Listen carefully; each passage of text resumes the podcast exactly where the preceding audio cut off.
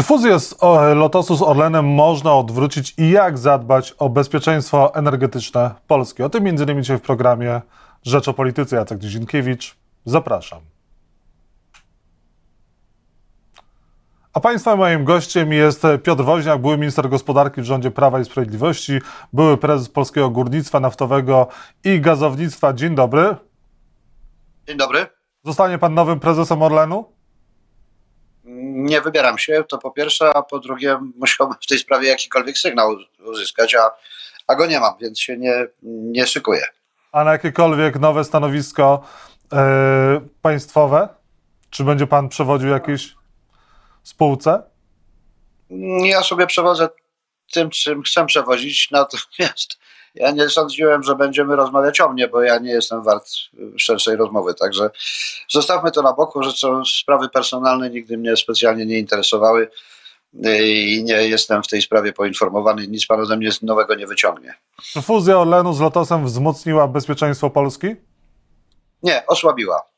A dlaczego? Przecież e, w poprzednich latach, jeszcze przed rządami Prawa i Sprawiedliwości, też była mowa o tym, żeby zrobić właśnie taki jeden gigantyczny yy, organizm, który byłby odpowiedzialny za bezpieczeństwo Polski.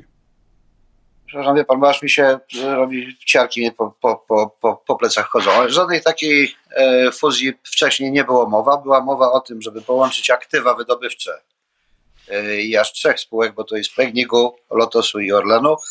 Zresztą Orlen ma te aktywa wydobywcze, miał do momentu tych wszystkich przejęć, które nastąpiły, miał je wyłącznie w Kanadzie, dlatego że w, do, w, w, Polsce, o ile wiem, ma w tej chwili wydobycie tylko z jednego czy z dwóch złóż. A, a istniał działka Orlen Upstream, istnieje od roku 2005, czyli przez ostatnie no, 9 lat jakoś się nie dorobił, ponieważ nie miał takich kompetencji. Ale o tym była mowa, a nie o połączeniu wszystkiego ze wszystkim, bo pan mówi połączenie Orlenu z Lotosem, rozumiem, że to jest hasło. Czy dobrze rozumiem? Tak, ale wie pan, rządzący Prawo i Sprawiedliwość tak? przekonywali nas przez lata, że właśnie była próba, że wcześniej też się mówiło o połączeniu Orlenu z Lotosem, że taki był e, właśnie, żeby, żeby do tego połączenia doszło. No więc mówię, że nie. Takie pomysły oczywiście można mieć, tak samo jak się ma różne pomysły na różne rzeczy, na przykład na wycieczkę w góry, ale prawdziwe pomysły polegały na tym, i wiem to, bo pracowałem wtedy dla świętej pamięci zresztą Lecha Kaczyńskiego w zespole do spraw bezpieczeństwa energetycznego. Mówiło się, a i to słabo, dlatego że to nie były konkretne plany, o połączeniu aktywów wydobywczych, a nie całych firm. Przypominam sobie natomiast również, że była próba sprzedania firmy e, Lotos, nie, nie wiem czy pan to pamięta, niejak firmie niejakiej Roche E, z której czym prędzej się wycofano, dlatego że firma była niewystarczająco wiarygodna, a przede wszystkim, a przede wszystkim e, słaba kapitałowo. E, więc takich prób było wiele i to można sobie mnożyć, natomiast proszę tego nie ustalać jako, jako fakt, dlatego że takich faktów nie było. Pomysł na połączenie się zrodził w 2018 roku, on ostatecznie ten na, to, na te przejęcia, które miały miejsce, miał historycznie to był rok 2018 i ostatecznie przejęty zostały przez Orlen y, firmy Energa, Lotos, który służy za hasło, i Pegnik. I obniżenie bezpieczeństwa energetycznego, o którym mówię, czy powstanie powiększenie tego ryzyka bezpieczeństwa, zagrożenia nad bezpieczeństwem energetycznym Polski, nastąpiło nie na skutek połączenia z Lotosem, y, bo to można osobno oczywiście analizować i, i osobno dochodzić do właściwych wniosków, co zaczął NIK, ale przez połączenie z Pegnikiem. Dlatego, że Pegnik panował i y, miał większościowy, większościowy wpływ na rynek gazu, który sam w sobie jest niesłychanie ryzykowny, a Orlen i Lotos miały nad rynkiem paliwowym. Te dwa rynki, każdy z osobna, i ten paliwowy, paliw płynnych, i ten gazowy, obarczone są gigantycznym ryzykiem światowym, takim geopolitycznym. Nie trzeba przypominać, co się działo w momencie, w którym przestaliśmy, Rosjanie przestali przesyłać gaz do Europy, bo to ostatecznie oni odcięli dostawy gazu, a nie Europa się ich wyrzekła. I tak to trzeba czytać. Y, zamieszanie było ogromne, ceny gazu skoczyły do jakichś niebotycznych poziomów. Podobnie było z ropą naftową, która służy do produkcji paliw płynnych, bo to też nie jest to samo paliwa i ropa to nie jest ten sam artykuł. Paliwa to jest już przerobiona ropa, a ropa surowa jest osobno. Te dwa rynki, gazowy powtarzam, i paliw płynnych, każdy z nich jest obarczony wys niesłychanie wysokim ryzykiem, co w tej chwili zresztą widać na rynkach. Tu są niepokoje w Zatoce Perskiej, yy, które są związane i które mogą wpłynąć na bezpieczeństwo dostaw ropy przez Suez. Yy, natomiast z gazem się paramy. Tu sobie poradziliśmy znakomicie. W 2019 roku rozwiązaliśmy problem dostaw rosyjskich, które były same w sobie bardzo niebezpieczne, ale z tym sobie poradziliśmy samodzielnie. Natomiast te ryzyka geopolityczne, które wiszą nad tymi obiema, oboma rynkami z osobna, nie wolno ich pod żadnym pozorem łączyć. I to jest racja stanu, a nie te banialuki, które opowiadał prezes zarządu czy zarząd y, Orlenu w sprawie racji stanu, która dyktuje podobno to te, te przejęcia o energii Lotosu i, i Pegnigu. Racja stanu jest taka, żeby tych dwóch ryzyk nie łączyć, dlatego że jeżeli się łączy, to zarządzanie nimi jest praktycznie niemożliwe. Ryzyka to jest kanon we wszystkich podręcznikach i nie tylko w praktyce przede wszystkim biznesowej. Ryzyka się wyjmuje i osobno, każde z osobna i każdym z osobna się zarządza. Jak się ma dwa ryzyka naraz, albo więcej, nie daj Boże, no to robi się katastrofa, bo jeszcze trzeba zarządzać trzecim ryzykiem, czym się zająć najpierw i w jaki sposób, taki, żeby nie wpłynęło na to pierwsze. To jest, jak mówię, zasada kardynalna, którą każdy powinien, kto się zabiera za zarządzanie większą firmą, a zwłaszcza na rynku energetycznym, powinien mieć w głowie i powinien to wyznawać jak mantrę, czy, czy Talmud, jak to lubi. Takie, taki, do takiego połączenia doszło i w związku z tym jesteśmy w tej chwili w większym ryzyku niż byliśmy przed tymi przejęciami. Lotos jest oczywiście bardzo ważny, dlatego że, jak mówię, to jest łakomy kąsek. Proszę nie słuchać tych opowieści o tym, że rafineria gdańska została uratowana, takie słyszałem opinie. Yy, więc ta opinia jest fałszywa oczywiście o tym, że rafineria gdańska czy Lotos zostały uratowane przez to, że zostały przejęte przez, yy, przez yy, Orlen co zresztą widać w następnych, następujących potem działaniach Orlenu. Orlen kupuje na y, tuzinami y, nowe stacje paliwowe, stacje do dystrybucji i do sprzedaży przede wszystkim y, paliw płynnych, to znaczy benzyny i ropy. Oczywiście korzystając z dostaw między innymi z rafinerii gdańskiej. Ona jest niesłychanie potrzebna, bo cały świat w Polsce też będziemy jeszcze na ropie i na benzynach jeździć samochodami przez długi czas i tu nie chodzi wyłącznie o samochody, tu chodzi przede wszystkim o e, sprzęt rolniczy, który w całości jeździ na dieslu tak zwanym, czyli na ropie naftowej, e, która musi być dostępna, bo inaczej wchodzimy na jeszcze jeden rynek, niesłychanie ryzykowny rynek żywności. Jak wiadomo, w Polsce jesteśmy samowystarczalni, jeśli chodzi o żywność i to z nadmiarem. Jeszcze eksport, jesteśmy znakomitym eksporterem różnych towarów e, spożywczych i, i rolnych więc tutaj diesla zabraknąć nie można, nie może i opowiadanie o tym, że rafineria w związku z tym jest niepotrzebna i została e, uratowana przed jakąś katastrofą przez dzięki fuzji jest totalną bzdurą. E, to jedno. Po drugie, taki słyszałem też hasło, to się chciałem do tego odnieść. Duży może więcej. Ktoś tak no powiedział bardzo mocno. Tak. tak, no wie pan, to ja tym, którzy nie pamiętają, to ja albo nie chcą tego znać, przypomnę, jest taka przypowieść starotestamentowa o Dawidzie i Goliacie. Jak wiadomo, Goliat był wielkim wojownikiem, świetnie uzbrojonym i przeszkolonym, a pokonał go bosy pasterz, który się nazywał Dawid. Wiemy, jak to się wszystko skończyło. Pokonał go nie za pomocą mięśni, tylko za pomocą intelektu. I o to apeluję, żebyśmy używali rozumu do tego, co Dobrze, to dlaczego doszło do tej fuzji Orlenu z Lotosem? Dlaczego doszło, jeżeli ta wiedza była powszechna, a słyszeliśmy zupełnie coś innego i uważano, że no to jest wielkie wydarzenie, do którego powinno dojść i ono gwarantuje nam bezpieczeństwo energetyczne Polski i to też ta fuzja miała sprawić, że Polska na rynku energetycznym europejskim by się bardziej liczyła, nawet światowym. To słyszeliśmy. Dlaczego doszło do fuzji? się bardziej nie liczy się bardziej, przede wszystkim muszę odkłamać to, co pan powiedział, nie liczy się bardziej, dlatego że tam były trzy cele postawione przed, tym, przed tymi przejęciami. Miała być zwiększona kapitalizacja, między innymi, to pan o tym wspomniał, jeszcze o dwóch osobno mogę mówić, ale o tym pan wspomniał, to, to się odnoszę. Yy, miała być zwiększona kapitalizacja i rzeczywiście ona wzrosła, no to jest nic dziwnego, to jest naturalny sposób yy, wzrosła, jak ktoś miał jeden rower, a yy, wziął drugi, no to teraz ma dwa rowery, to taka jest suma, natomiast kapitalizacja Orlenu w momencie fuzji czy tej ogłaszanej fuzji z Pegnikiem, to już ta ostatnia, wynosiła według prospektu, który mam tu przed sobą, 85 miliardów złotych, a obecnie wynosi 79. Mówię o miliardach złotych.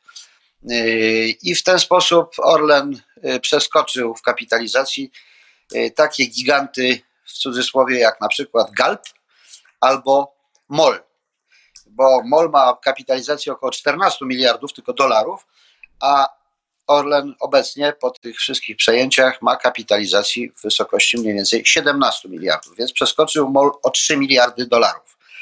To nie jest powalająca różnica, jeśli chodzi o e, sposób, e, znaczy jeśli chodzi o e, percepcję przez rynek, przede wszystkim rynek finansowy, otwarty rynek pieniężno-kredytowy, dlatego że po to, żeby mieć przewagę nad innymi, a taki był cel, miała być kapitalizacja, miała wzrosnąć w taki sposób, żeby Orlen mógł skutecznie konkurować z największymi firmami, ja już nie mówię świata, bo to tam ktoś wymamrotał, natomiast Europy. Otóż w Europie mamy takie firmy jak Shell i BP na przykład i one mają kapitalizację rzędu kilkuset miliardów dolarów. W związku z tym różnica między 17 a kilkaset jest gigantyczna i taka pozostała. Yy, także ten cel nie został spełniony. Natomiast jak pan mnie pyta dlaczego, no to ja tu nie mam na to żadnej odpowiedzi, bo jej nie ma. Yy, został popełniony, jak już to mówiłem wcześniej, yy, błąd bo te przejęcia to nie była głupota, tylko błąd. A, a czy to miało miejsce, czy nie, to wie pan. Ja też słyszałem z ust premiera rządu ówczesnego, że Polska jest liderem y, rynku elektromobilności na przykład. No dobrze. To każdy sobie może sprawdzić samemu, jaka, jakie to jest liderstwo i na czym polega rynek elektromobilności. W Polsce nie widać go, nie słychać i zdaje się, że mm, szybko się na niego nie zanosi. Także tego typu stwierdzeń słyszeliśmy dużo. No to jest, można mówić... ale zostawmy, zostawmy, zostawmy rzeczy, e, zostawmy. które ocierają się o, o, o żart. E, niech mi pan powie, czy ta fuzja Orlenu z Lotosem, ona była na szkodę Polski? To wzmocniło czy osłabiło Polskę? Jeżeli osłabia bezpieczeństwo energetyczne, to niech pan sobie sam odpowie na takie pytanie, czy ona wtedy osłabia, osłabia. sytuację Polski, czy odwrotnie. Otóż nie, pogarsza. Mówiłem to już dwa razy dzisiaj i jeszcze raz powtórzę. Na skutek połączenia, przejęcia Pegnigu, odwrotnej kolejności niż, niż chronologia, Pegnigu, Lotosu, a najwcześniej energii, bezpieczeństwo energetyczne Polski, ryzyko, zagrożenie nad bezpieczeństwem energetycznym Polski wzrosło, a nie zmalało. Więc w takim razie fuzję... Stawiany przed przejęciami nie został spełniony. Czy w takim razie fuzję Orlenu z Lotosem można mówiąc kolokwialnie, odkręcić jeszcze? A no owszem, przede wszystkim z Pegligiem, tak, można y, i to tej oczywiście można jeszcze teraz, chociaż na to okazja, bardzo dobra okazja minęła, bo wczoraj y, było posiedzenie nadzwyczajnego walnego zgromadzenia, czyli akcjonariuszy y, akcjonariuszy Orlenu i tam w punkcie szóstym miał być tego porządku posiedzenia tego NWZ miała być głosowana i była głosowana E, dokończenie planów pana Obajtka. E, I Rada Nadzorcza, przepraszam, walne zgromadzenie podjęło taką uchwałę dokładnie pod dyktando e, byłego prezesa Orlenu. Więc jeżeli nadzwyczajne walne zgromadzenie, czyli główny akcjonariusz, dalej realizuje to, co było zaplanowane wcześniej, no to można tylko w cudzysłowie pogratulować. Ja jestem tym załamany, dlatego że była okazja do tego, żeby tą fuzję zatrzymać, przynajmniej na poziomie Pegnigu, a to jest niesłychanie ważne. Jak powiedziałem, te dwa rynki są bardzo ryzykowne i zostały połączone w sposób błędny. E, znaczy doszło do tego połączenia na skutek błędu, moim zdaniem. E, I akcjonariusz główny, czyli e, minister aktywów państwowych, kiedyś to był minister skarbu, przyłożył właśnie do tego rękę, realizując dokładnie w tych punktach, które wyznaczył poprzedni zarząd i poprzedni prezes na posiedzenie nadzwyczajne walne, dokładnie te punkty przegłosował i zaklepał. Oczywiście... Panie to ja tutaj czegoś nie rozumiem. To w takim razie dlaczego y, Platforma Obywatelska, Koalicja Obywatelska mówili przez tyle lat, że to był błąd, y, fuzja Orlenu z Lotosem, jest y, nowy zarząd, jest nowy główny akcjonariusz, nie z Prawa i Sprawiedliwości, a jednak jest kontynuacja tej polityki. Dlaczego? No to ja panu współczuję, że pan nie rozumie i tak samo jak i sobie, bo ja też nie rozumiem.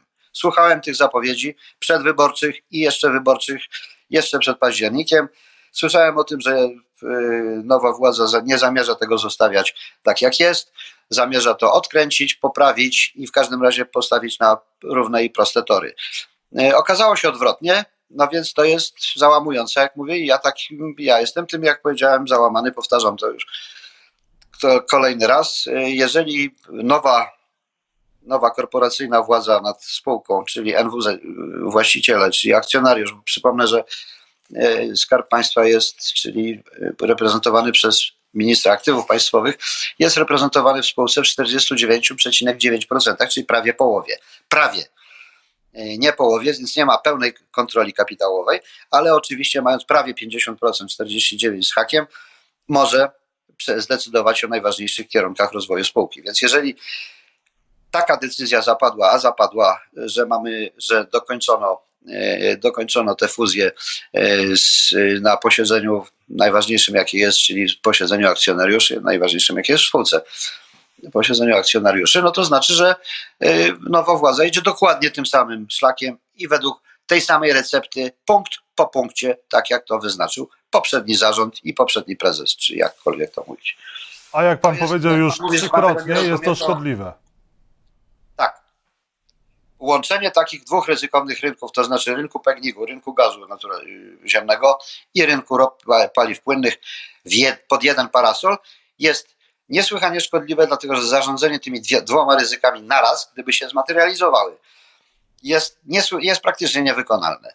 Trzeba to koniecznie rozdzielić. Nie jesteśmy w takiej samej pozycji, powtarzałem, mówiłem to i powtórzę, jak Shell czy BP, czy inne gigantyczne koncerny, które od dawna mają po kawałku takiego rynku, ale są zupełnie inaczej osadzone na rynku, działają na, rzeczywiście na rynku światowym i to od x lat. I to nie jest, przepraszam, cecha e, firmy Orlen, która no nie wiadomo, na razie się porusza i to dosyć nieporadnie po rynku europejskim, przejmując kolejne stacje benzynowe, co jest być może bardzo ładnie wygląda w gazetach i na zdjęciach, ale yy, w zapleczu, jak mamy, jak pamięta Pan, uzasadnienie takie, że yy, a właściwie nie mamy uzasadnienia, bo, bo uzasadnieniem byłaby własna baza naftowa, czyli własne rafinerie i własne złoża. Złoża własne mamy, ale rafinerii usiłowaliśmy się pozbyć i to znaczy Orlen się usiłował pozbyć, czy też państwo polskie się usiłowało pozbyć, jakkolwiek to zwał. Zostały one połączone. Mamy dwie rafinerie, jedna się nazywa Gdańska i druga się nazywa Płocka. To jest następny argument do tego, że e, jeżeli rzeczywiście ktoś tak pomyślał, że, że rafinerie nie mają racji bytu na rynku, dlatego że się wygasa, e, że się kurczy rynek paliwowy, no to jest dokładnie odwrotnie a poza tym, dlaczego on miałby akurat negatywnie oddziaływać na kondycję rafinerii gdańskiej, a pozytywnie na rafinerii płockiej. To jest następna niekonsekwencja i kompletny absurd, z którego oczywiście trzeba czym prędzej wyjść. Dlatego odkręcenie, czy jak no, w cudzysłowie odkręcenie, yy, przywrócenie status quo ante, yy, przynajmniej na linii z Pegnigiem jest absolutnie konieczne. Nie mówię już o tych deklaracjach, które padały w sprawie samego Lotosu, czy w sprawie energii, proszę zauważyć, w ogóle nikt się nie zająknął nawet. E, ale to jest jeszcze osobna rzecz. To wymaga rzeczywiście bardzo, to trzeba uprzedzić, że gdyby to, jeżeli taki plan jest, a mam nadzieję, że taki plan jest gdzieś tam w głębi e, obecnej administracji, e, to on wymaga dużo pracy. Co samo w sobie jest odpychające, to trzeba się mnóstwo przy tym napracować, jeszcze się uzgodnić to wszystko z obecnym partnerem, którym jest Saudi Aramco, a to nie jest spółka, która jest Liliputem, tylko to jest największa spółka na świecie. Ona ma kapitalizacji po ostatnim IPO została ona policzona jakieś dwa, dwa lata temu, to są dwa biliony dolarów, biliony, czyli dwa tysiące miliardów dolarów. To jest prawdziwy gigant. Ogromna siła kapitałowa. Ogromna siła kapitałowa. Panie, panie ministrze, jeżeli obecny rząd będzie kontynuował politykę energetyczną poprzedniego rządu, to czym to się skończy w tym wypadku? Do czego to może doprowadzić? Wie pan, dlatego że to, że rynki, te rynki połączone zwłaszcza każdy, znaczy bez połączenia, noszą ze sobą ogromne ryzyka, to tak jest. I tego proszę nie dyskutować ze mną, po prostu tak jest. Ja mogę podać przykłady teraz z zeszłego tygodnia. Co się dzieje na rynku gazu? Proszę zauważyć, że Departament Stanu USA w zeszłym tygodniu wydał komunikat, niespodziewany zresztą, na, na, na, na całym rynku światowym to nie było spodziewane, że ograniczy albo wręcz zatrzyma zezwolenia na eksport LNG ze Stanów. A trzeba zdarzenia, że Pegnik miał bo sam to podpisywałem, cały portfel kontraktów właśnie na LNG ze Stanów Zjednoczonych i one teraz zostaną i teraz nie wiadomo, czy one zostaną te historyczne kontakty zatrzymane, czy ograniczone, czy ten, to za, ta zapowiedź Departamentu Stanu, jak mówię, przez nikogo nie prowokowana, tylko ich własnym interesem, ich czyli Amerykanów, yy, czy tylko to będzie dotyczyło nowych kontraktów, czy może będzie w jakikolwiek sposób starych. Tego nie wiemy, ryzyko powstało, bo jak wiadomo, co najmniej 30, jak nie 40% yy, gazu pochodzi w tej chwili, gazu, którego używamy w, w kraju, pochodzi z kontraktów LNG, czyli przywożony jest tankowcami do terminala w Świnoujściu ze Stanów. I to jest jedno, takie są, można z rękawa wyciągać. Drugie takie są ogromne, to jest na rynku gazowym. Na rynku z kolei ropy naftowej jest ogromne e, napięcie w tej chwili w Zatoce Perskiej. E, tam ci rebelianci na południu Półwyspu strzelają wprost do, atakują e, tankowce E, tankowce e, z ropą. Gazowce już w tej chwili nie pływają. Zatoka Perska, Zatoka Arabska polega na tym, że ona się kończy, jak wiadomo, na północy kanałem Suez.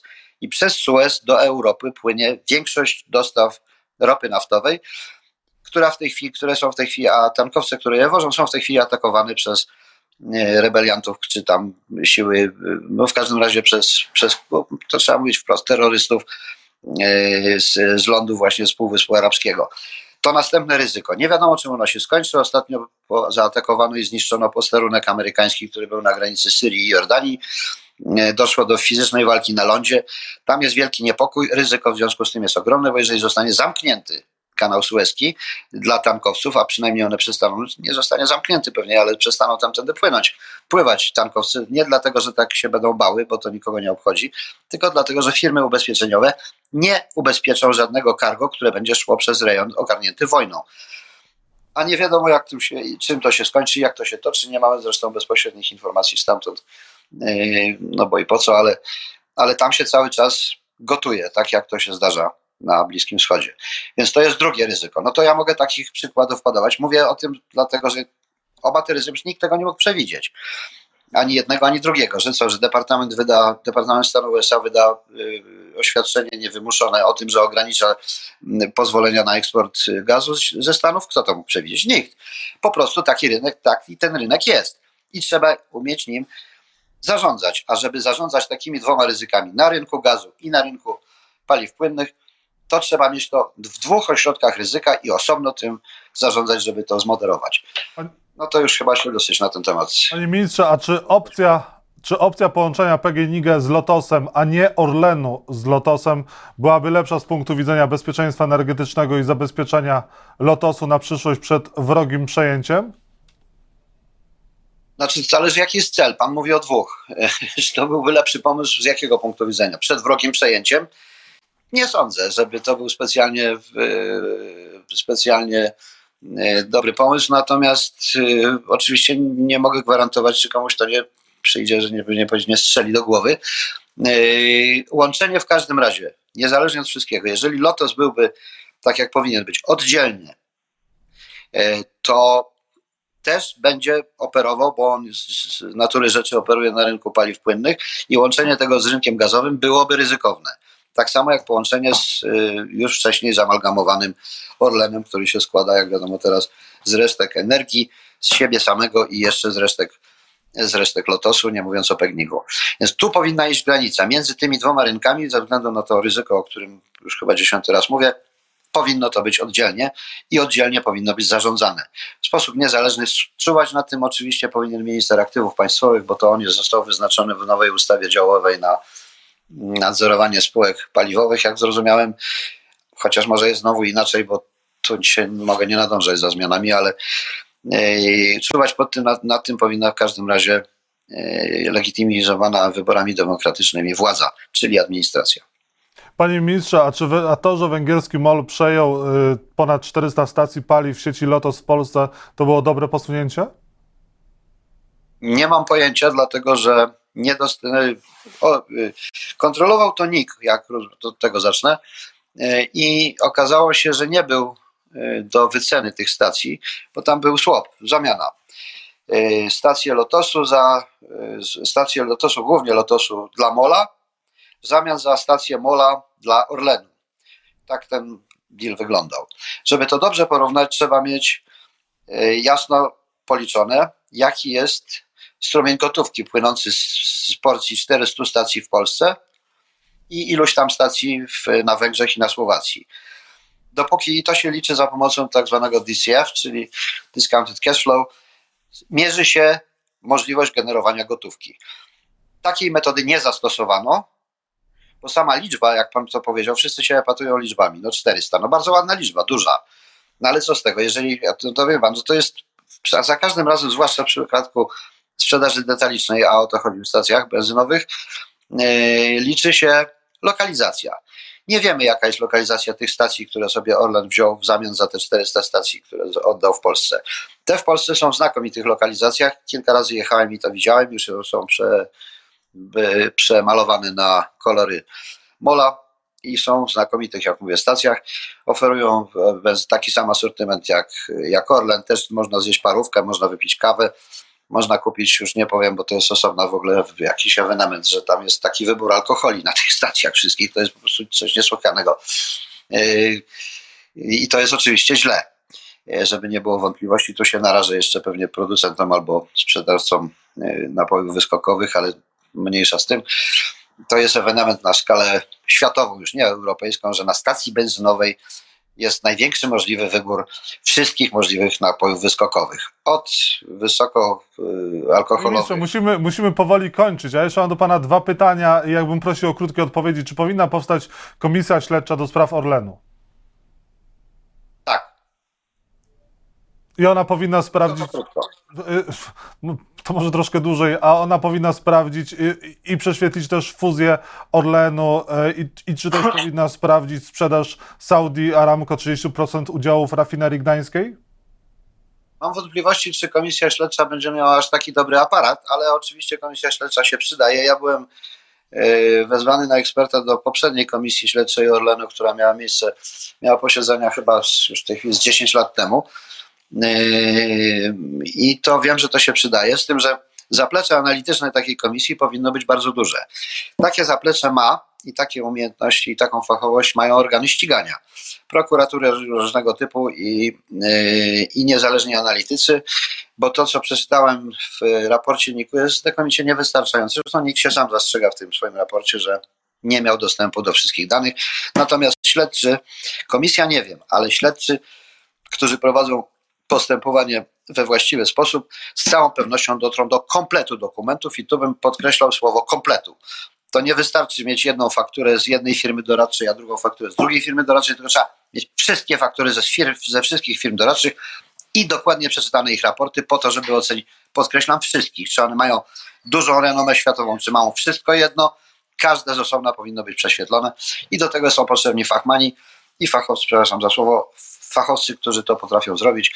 Czy komisja śledcza będzie miała takie, e, takie, taką fachowość? No to jest duże pytanie. Znakomicie lepszą fachowość, bo z tego żyją mają nasze organy ścigania, jak powiedziałem, prokuratury, policja, czy co tam jeszcze. Panie ministrze, i ostatnie pytanie, a fachowcem był Daniel Obajtek jako prezes Orlenu. Jakby pan ocenił Obajtka jako prezes Orlenu? Pan to wycenił go rynek. Jak pan pamięta, w momencie, w którym został zdjęty ze stanowiska, yy, akcje Orlenu podskoczyły do góry, już nie pamiętam, między 3 a 5 zł na akcji. Y, no więc to jest właściwa ocena. Y, bo tu pojedyncza ocena, tak jak pan mógłby to oceniać, albo ja, albo ktokolwiek inny, to jest mało znaczne, mało istotne. Istotna jest wycena rynkowa. W momencie, w którym pan prezes zarządu był na miejscu i zarządzał firmą, firma była mało warta i w momencie, w którym odszedł, natychmiast wzrosła o prawie 3 zł, czy tam 5 zł na akcji, co jest ogromnym skokiem. Nie pamiętam takiego rajdu na akcjach Orlenu y, od bardzo dawna. Pozostaje niestety cały czas na niskim poziomie kapitalizacji, około 75 miliardów złotych, co przy planowanej kapitalizacji 85, na kapitali planowanej w momencie tych połączeń i przejęć, no jest ziejącą dziurą. Także tak bym się z tego wykpił. Nie chcę oceniać pana, nigdy go nie spotkałem i nie zamierzam, yy, więc go nie, osobiście go nie znam i nie mam żadnego osobistego wrażenia, poza tym, że yy, czasem trudno zrozumieć było to, co mówi, dlatego że gramatykę stosowaną przez, yy, przez, przy wystąpieniach publicznych. Piotr Woźniak był Państwa i moim gościem. Bardzo dziękuję Panie Ministrze za rozmowę. Dziękuję.